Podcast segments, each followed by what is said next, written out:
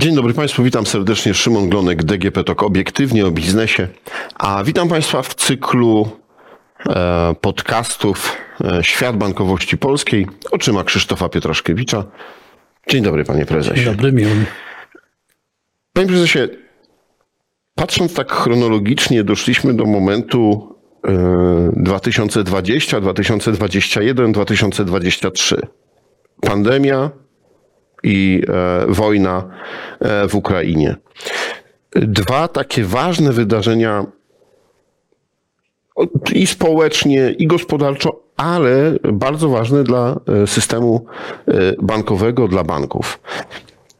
Jeśli chodzi o pandemię, banki zostały na początku sprawdzone też, czy dadzą radę, czy system jest bezpieczny, no bo zaczęło się społeczeństwo obawiać o to, czy będzie dostęp do gotówki, czy banki będą działały.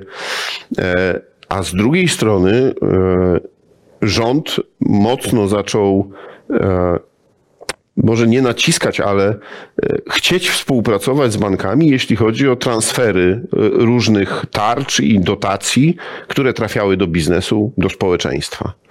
E, jak wyglądało to właśnie od strony banków, od strony systemu?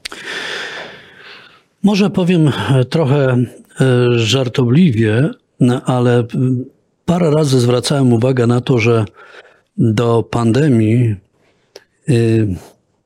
jaki można powiedzieć trochę do, do wojny, oby to nigdy nie było realizowane, my przygotowywaliśmy się wiele lat. Co to znaczy? Akurat w sektorze bankowym, yy, podobnie w innych instytucjach, ale sektor bankowy w szczególności, my musieliśmy wiele lat wcześniej przeprowadzać różnego rodzaju testy i ćwiczenia, na okoliczność wystąpienia różnych zdarzeń, które nie do końca da się przewidzieć. Czy to atak hakerski, czy to jakaś klęska żywiołowa, e, czy mm, na przykład przeanalizowanie, co stałoby się z naszym systemem, gdyby nastąpiło takie wydarzenie, jakie wystąpiło na przykład w innym kraju. Trzęsienie ziemi, powódź. I ze wszystkich zdarzeń, które myśmy mieli także na terenie naszego kraju, myśmy wyciągali wnioski. Na przykład w czasie powodzi 97 roku jedyny system łączności w niektórych obszarach na Dolnym Śląsku to był system łączności telbankowy, bankowy. Dlatego, że przekaźniki były usytuowane na dachach i nie były one tylko i wyłącznie liniami, no i działały, pomagały nie tylko bankom, pomagały także różnym instytucjom niosącym pomoc dla powodzian. E, z kolei w przypadku pandemii myśmy byli przygotowani do tego, żeby zaoferować na wielką skalę usługi elektronicznie zdalne. I tutaj współdziałanie z nadzorem bankowym, ze stroną rządową, że możemy pewne rzeczy robić, choć nie ma na to solidnej infrastruktury prawnej, było bardzo przydatne. Dlatego mogliśmy ogłosić moratoria kredytowe, żeby ludzie nie musieli przychodzić do oddziałów bankowych. E, stąd ten mój taki prawie żart, że przygotowywaliśmy się do tego przez kilka lat. Tak, to unowocześnienie, te nowe technologie nam pomagały. W przypadku e, tego, co się wydarzyło na Ukrainie, także, e, ponieważ oczywiście niepokoje były przez kilka, nawet kilkanaście dni i to z różnych powodów. Ludzie ze względów praktycznych woleli mieć niektórzy gotówkę przy sobie. E, stąd też trzeba było nauczyć się zasilania banków i bankomatów w gotówkę, której nie ma potrzeby, żeby trzymać zbyt wiele w oddziałach bankowych czy w ogóle. Ale też chciałbym przywołać to, co się wydarzyło w czasie wielkiego kryzysu finansowego, kiedy zabrakło nam dolarów i euro. Nie wszyscy o tym e, pamiętali, że myśmy mieli kłopoty z przetransferowaniem, przetransportowaniem gotówki z kraju do kraju, fizycznym przetransportowaniem. W związku z tym wyciągaliśmy wnioski z tych różnych zdarzeń krajowych i, i międzynarodowych. Po to są te kontakty międzynarodowe między federacjami bankowymi, między bankami.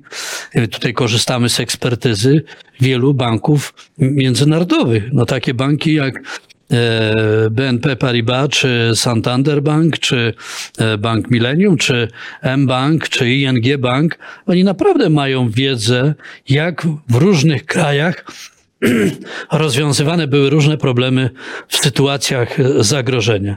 Czy Citibank handlowy. Podczas tych spotkań, które często organizujemy, bankowcy właśnie wymieniają się poglądami, informacjami. I na tym polega ten, używam tej, tej formuły klastra, wymiany poglądów, e, aby e, bankowość nie była e, powodem kłopotów. Jeśli chodzi zaś o wspieranie przedsiębiorstw i współdziałanie z rządem, żeby mogły przetrwać niektóre przedsiębiorstwa, tak.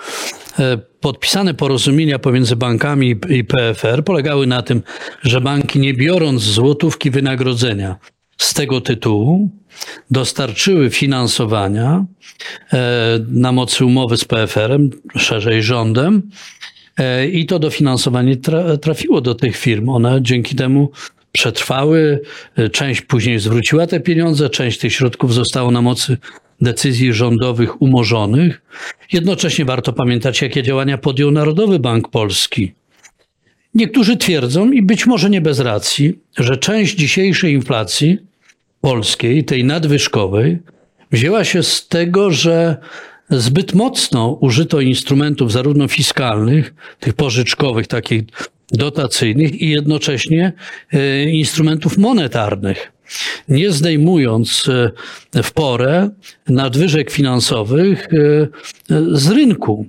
E, a to zadziałało z kolei w ten sposób, że w konsekwencji powstało na, na rynku wiele firm, tak zwanych zombie, które powinny były zakończyć swoją działalność, bo każdego roku w każdym kraju, ze względu na postęp technologiczny, ze względu na zmianę upodobań, na osiągnięcia medycyny, czy, czy po prostu zmieniają się nawyki i niektóre produkty naprawdę nie ma powodu, żeby były dostarczane w dotychczasowej formie, powinny być zastępowane.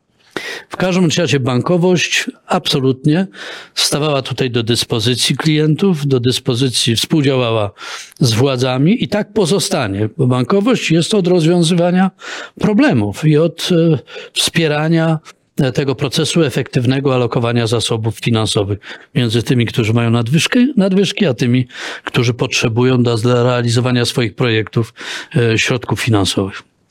E, no, poruszył Pan już trochę mm, następny temat, no bo e, inflacja to jest e, nie tylko, a może nie, nie przede wszystkim problem dużej gospodarki, ale problem każdego obywatela. No i jak już wiele razy powiedzieliśmy, jeśli problem ma gospodarka i obywatele, to problem ma system bankowy. Albo musi znaleźć jakieś rozwiązanie na, e, na te problemy. E, no, tylko, że okazuje się, że na inflacji to banki zarabiają.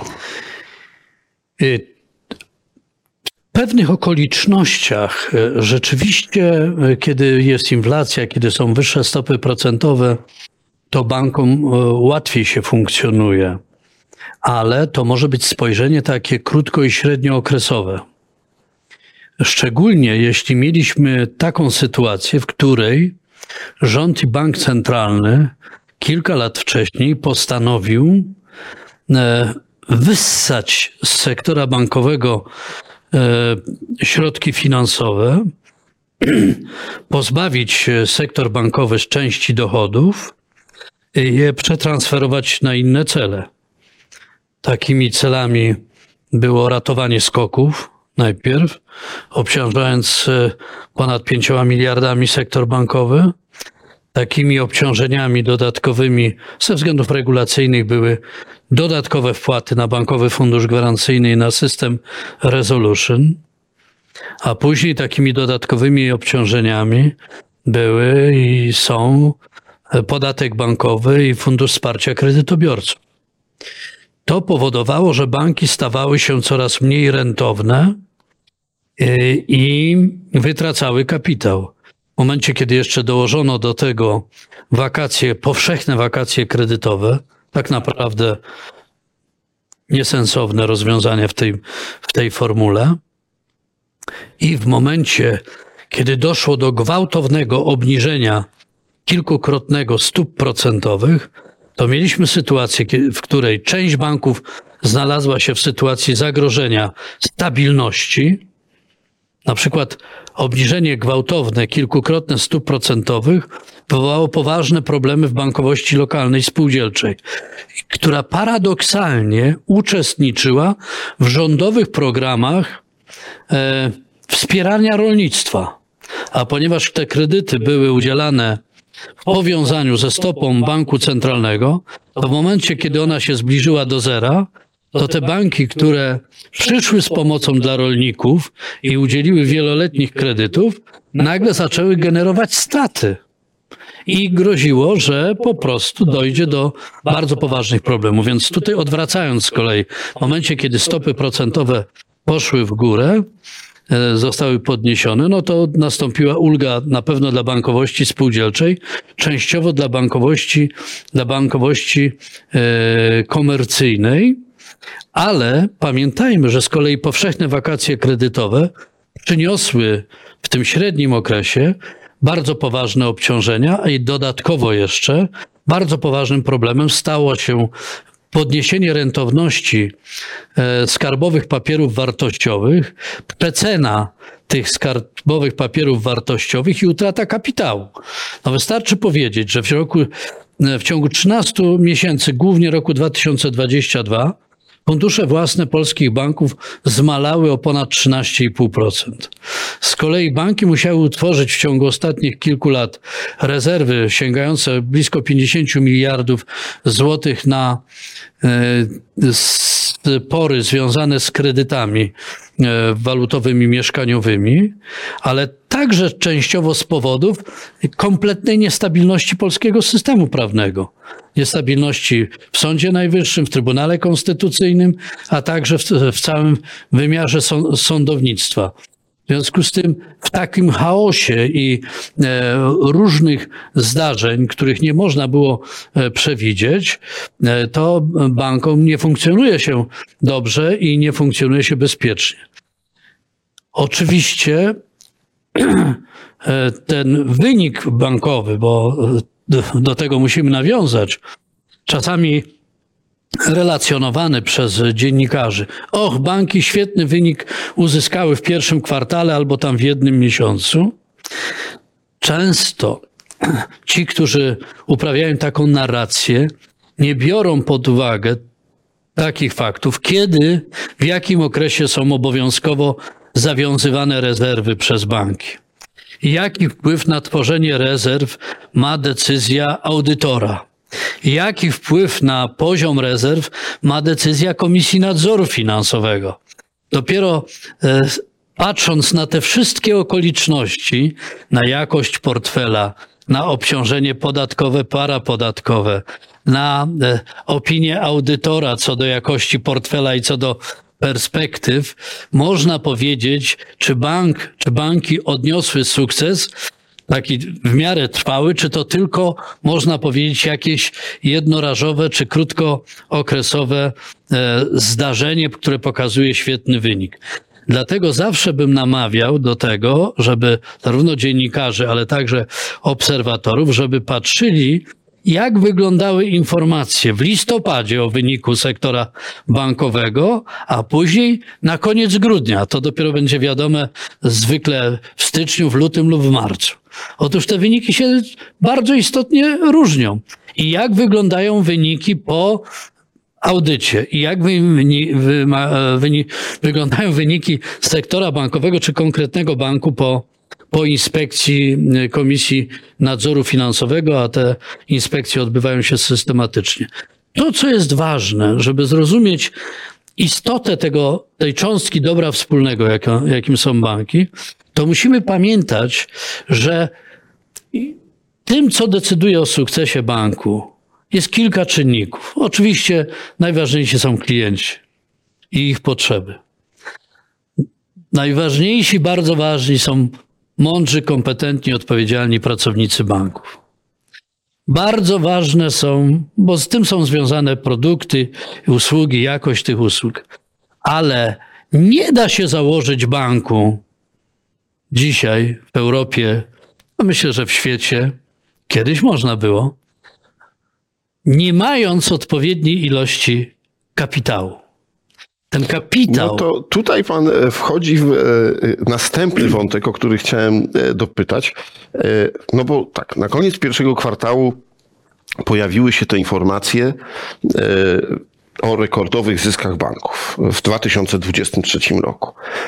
A w czerwcu też byłem, pan też właśnie na Europejskim Kongresie Finansowym w Sopocie, gdzie prezesi banków i to nie tylko jeden prezes, ale kilku prezesów banków e, i M-Banku, i ING, i e, Credit Agricole e, mówili tak, rzeczywiście pierwszy kwartał był bardzo dobry dla bankowości, ale sektor stoi przed zagrożeniem braku funduszy na inwestycje.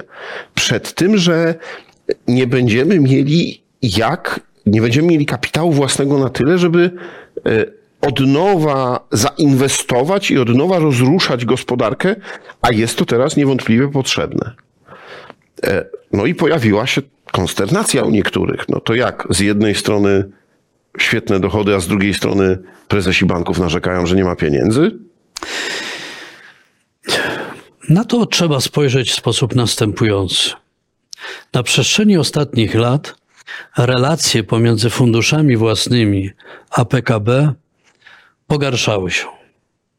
I to oznacza, że stosunkowo szybko rozwijającej się gospodarce, jeśli tym miernikiem byłby PKB, mamy coraz wolniej rozwijającą się albo słabnącą bankowość. Jeżeli porównamy też na przestrzeni kilku lat relacje kredytów udzielanych dla przedsiębiorstw do PKB, to zobaczymy, że tego te relacje ulegały pogorszeniu. I z poziomu mniej więcej bardzo niskiego, jak na Europę, około 55% kredyty dla przedsiębiorstw w relacji do PKB, one spadły do 30 kilku. Czyli po prostu obserwowaliśmy ogromny tutaj e, spadek, ubytek i teraz jakie były tego powody? Powody były takie, część związanych z pandemią, że tutaj wystąpiło takie rozszczepienie polskich przedsiębiorstw. Ci, którzy mieli duże zasoby i jeszcze dostali wsparcia niektórzy w czasie pandemii, nie potrzebowali finansowania zewnętrznego. A ci, którzy nie mieli dużych zasobów i dostali mniejsze wsparcie lub go nie dostali, no po prostu nie mieli zdolności kredytowej, a banki stały się na skutek obytku funduszy własnych z powodów, które, o których wspomniałem, a więc prze, przecena obligacji, te dodatkowe obciążenia w postaci wakacji kredytowych i tak dalej, po prostu stały się bardziej rygorystyczne. Czyli mamy zbieg okoliczności następujący w Polsce dzisiaj. Bardzo wielu przedsiębiorców jest powściągliwych i nie chce inwestować. To jest problem, to jest dramatyczny problem.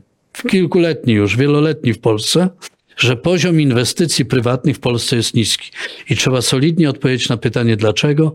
Niepewność prawna, niestabilność w różnych sferach, także problemy z sądownictwem. I to jest sprawa podstawowa. Druga kwestia, banki bardziej rygorystyczne. A dlaczego? Dlatego, że banki polskie miały w roku ubiegłym i w tym roku nieco wyższy poziom kredytów zagrożonych aniżeli banki w innych krajach, szczególnie w strefie euro. To oznacza, że musimy być bardzo ostrożni, jeśli chodzi o udzielanie e, kredytu. Trzecim takim e, elementem, który tutaj bardzo mocno rzutuje na atmosferę w naszej gospodarce i na e, inwestycje, to są niekończące się spory pomiędzy rządem polskim a, a Unią Europejską. A dlaczego? Sektor bankowy przygotowywał się do współfinansowania wielu tysięcy projektów inwestycyjnych rozwojowych. I widzi i obserwujemy, że nie wiadomo, czym się skończą te relacje polsko-unijne. No bo jeśli nie będzie dostępu do tych pieniędzy, aby, a mamy stosunkowo wysoką inflację, mamy stosunkowo wysokie zadłużenie e, publiczne, z tego część e, poza kontrolą e, parlamentu, jeśli mamy obawy przedsiębiorców i to na skutek niestabilności prawa, nie tylko systemu podatkowego, ale także różnych ustaw, które no, nie ma pewności co do sposobu stosowania czy, czy interpretacji. I jeśli jesteśmy liderem w Europie, jeśli chodzi o liczbę stron uchwalanych różnego rodzaju aktów prawnych i rozporządzeń, których nikt nie jest w stanie ogarnąć, bo to jest kilkadziesiąt tysięcy stron rocznie, no to w takich warunkach naprawdę trudno o, o podejmowanie decyzji inwestycyjnych. Oczywiście wtedy, kiedy mamy jeszcze do czynienia z wojną za naszą wschodnią granicą, granicą i my nie ukrywajmy, jesteśmy też e, uczestnikami te, tego dramatu. Uczestnikami, ważnymi uczestnikami tego dramatu. W związku z tym ja chcę tutaj powiedzieć, że po pierwsze, to, co jest istotne, to w banku do tego, żeby udzielić 100 jednostek kredytu, trzeba mieć kilkanaście jednostek w zależności od, od roku, od regulacji, własnego kapitału na ewentualnie pokrycie strat, gdyby kredyt czy kredyty się zepsuły.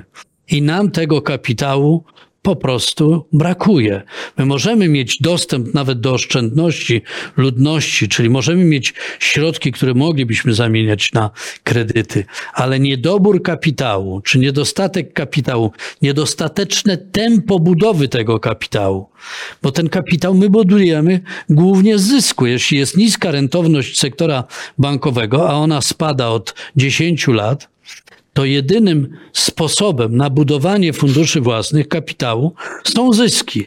Ale jak tylko w bankach pojawiają się zyski, to w Polsce pojawiają się e, reporterzy, którzy mówią, banki mają bardzo wysokie zyski.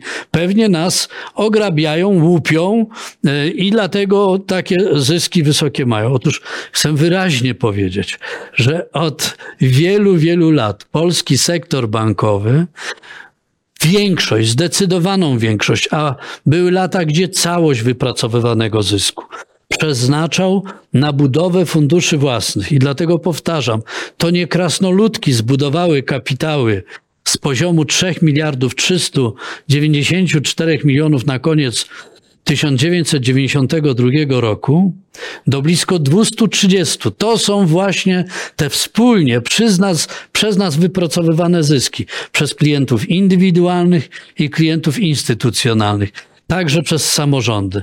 I to jest właśnie ta cząstka dobra wspólnego.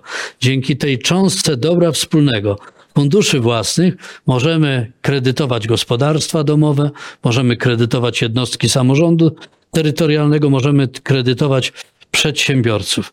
W momencie, kiedy te kapitały niszczymy, kiedy je przeznaczamy na inne cele, siła finansowania ze strony banków maleje. I tego trzeba unikać, ponieważ tak naprawdę, jeżeli się porównujemy do innych krajów, to musimy zobaczyć, że relacje kredytów do PKB w niektórych krajach są kilkukrotnie wyższe. I jeżeli patrzymy na fundusze, to fundusze są kilkukrotnie wyższe. No i to, co jest ważne, my zachowujemy się tutaj rozważnie, bo jesteśmy w kraju na dorobku. Przeciętna zasobność Polaka jest znacząco niż, niższa niż Niemca czy, czy Francuza. E, I e, współpraca z jednym klientem e, w Polsce, ona, bank można powiedzieć, kosztuje tyle samo, e, co w banku niemieckim, mniej więcej, ze względu na zaawansowanie technologiczne, tylko w przypadku Polaka my obracamy znacznie niższymi kapitałami czy funduszami, które nam powierzył Polak w porównaniu do tego, co powierzył niemieckiemu czy francuskiemu bankowi Niemiec czy Francuz. To jest ta różnica i trzeba po prostu z tym się mierzyć, godzić. No dobrze, panie prezesie, to dwa pytania. Y, do jakiego poziomu e, kapitału własnego powinny banki dojść, żeby było bezpiecznie, żeby było stabilnie, żeby mogły inwestować e, w gospodarkę? Czy jest jakiś taki limit wyliczony? Czy to jest takie powiedzenie sky is the limit? E, I no to w jaki sposób dzisiaj e, banki widzą taką możliwość? Y, to można oceniać w różny sposób. Większość banków polskich jest, są to banki notowane na giełdzie. No i one muszą, żeby pozostać na tej giełdzie i żeby ktokolwiek chciał inwestować w te banki, no to one muszą się legitymować określonym zwrotem na kapitale. Ten zwrot na kapitale w polskich bankach od kilku lat jest bardzo niski. W związku z tym nie ma czegoś takiego, że e, są jakieś nowe emisje e, i są obejmowane przez inwestorów zewnętrznych. No bo są bardziej dochodowe sektory energetyczne, chemiczne, e, maszynowe i tam inwestują inwestorzy, którzy dysponują kapitałem. Ale są inne wskaźniki, także na przykład wskaźnik efektywności kosztowej, to jest sławny e, cost-income ratio i banki się porównują, czyli e, banki pokazują polskie, że te wskaźniki kosztów do przychodów mają bardzo dobre. Mają bardzo dobre. Są to znacznie lepsze wskaźniki e, aniżeli w bankach w innych krajach. E, ale problem polega na tym, że banki w Polsce są obciążone ponadstandardowo obciążeniami, które nie są znane albo nie są znane w takiej wysokości jak banki w innych krajach. W związku z tym, jeżeli kogoś, no krótko mówiąc, jeżeli byśmy mieli uczestników sztafety e, na kilka kilometrów, bo nie chciałem podawać tutaj na 100 metrów, bo sektor bankowy to jednak długodystansowy. długodystansowy.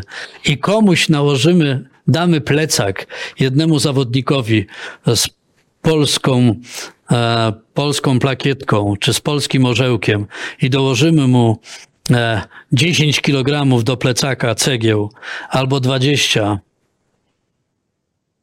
myślę tutaj o efektywnych obciążeniach podatkowych, bo czasami się e, tak to przelicza, to jeżeli ktoś biegnie z plecakiem, powiedzmy, 20 e, kg, niech to będzie efektywne obciążenie podatkowe, a polski zawodnik będzie biegł z obciążeniem 50 kg czy 60, to życzę powodzenia to ani po prostu bankowość nie będzie konkurencyjna, ani przedsiębiorstwa finansowane przez polską bankowość nie będą konkurencyjne.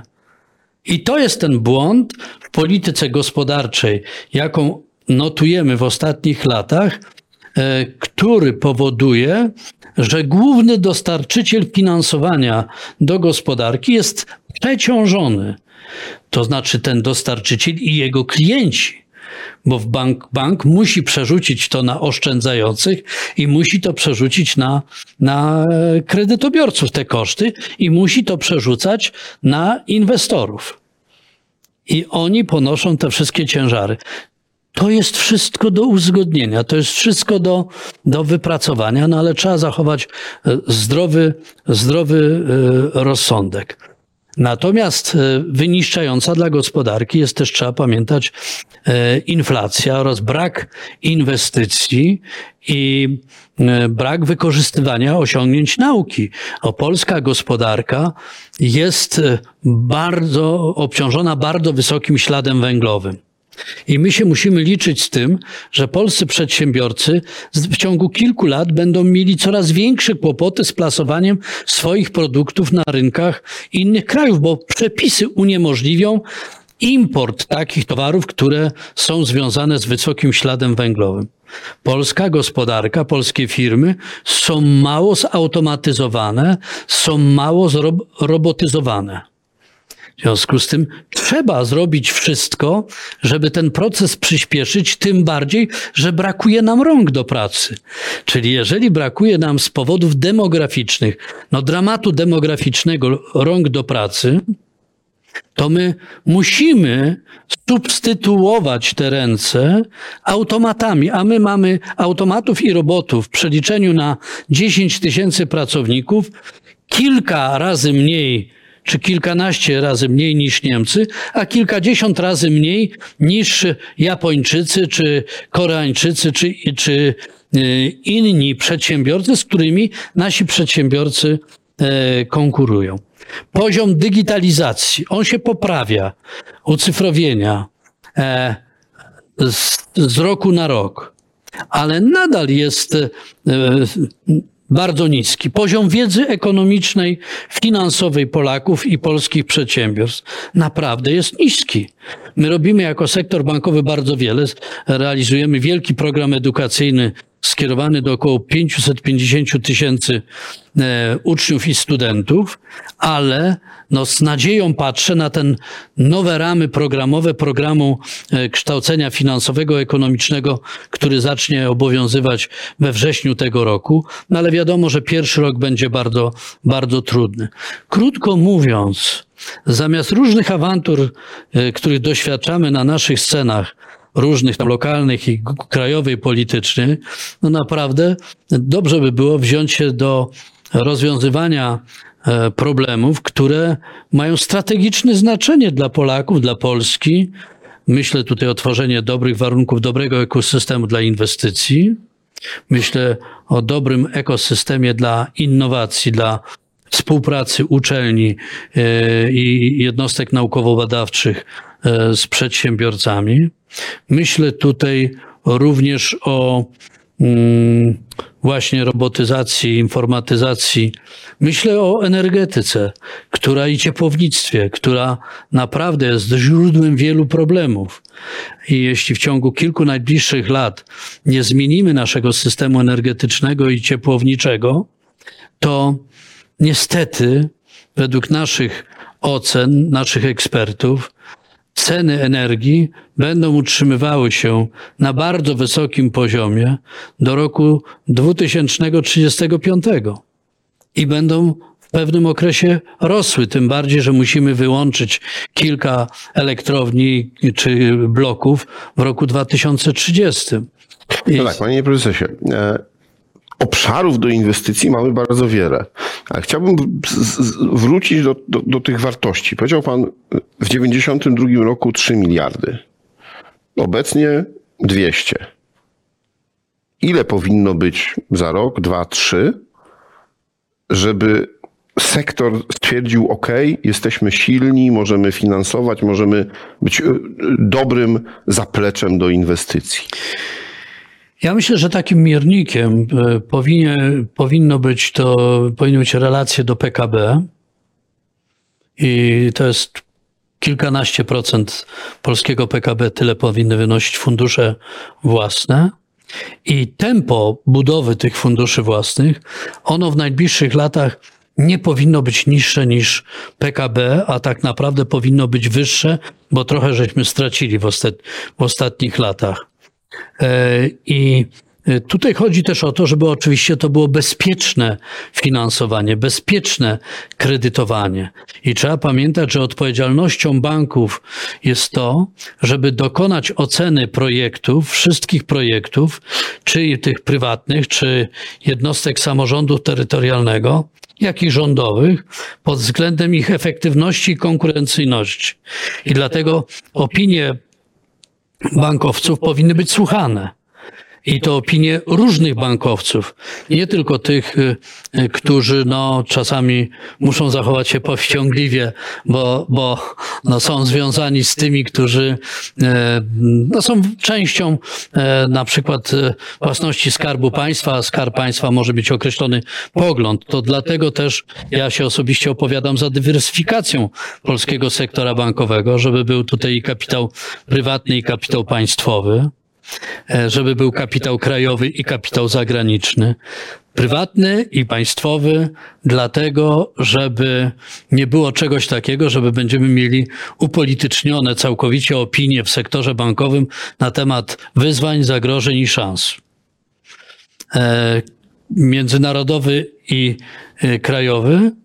Międzynarodowy i krajowy, dlatego, że Polska cierpi na niedobór kapitału i e, cierpi także na pewien brak niektórych inwestycji, których będzie nam będą nam bardzo potrzebne w przyszłości.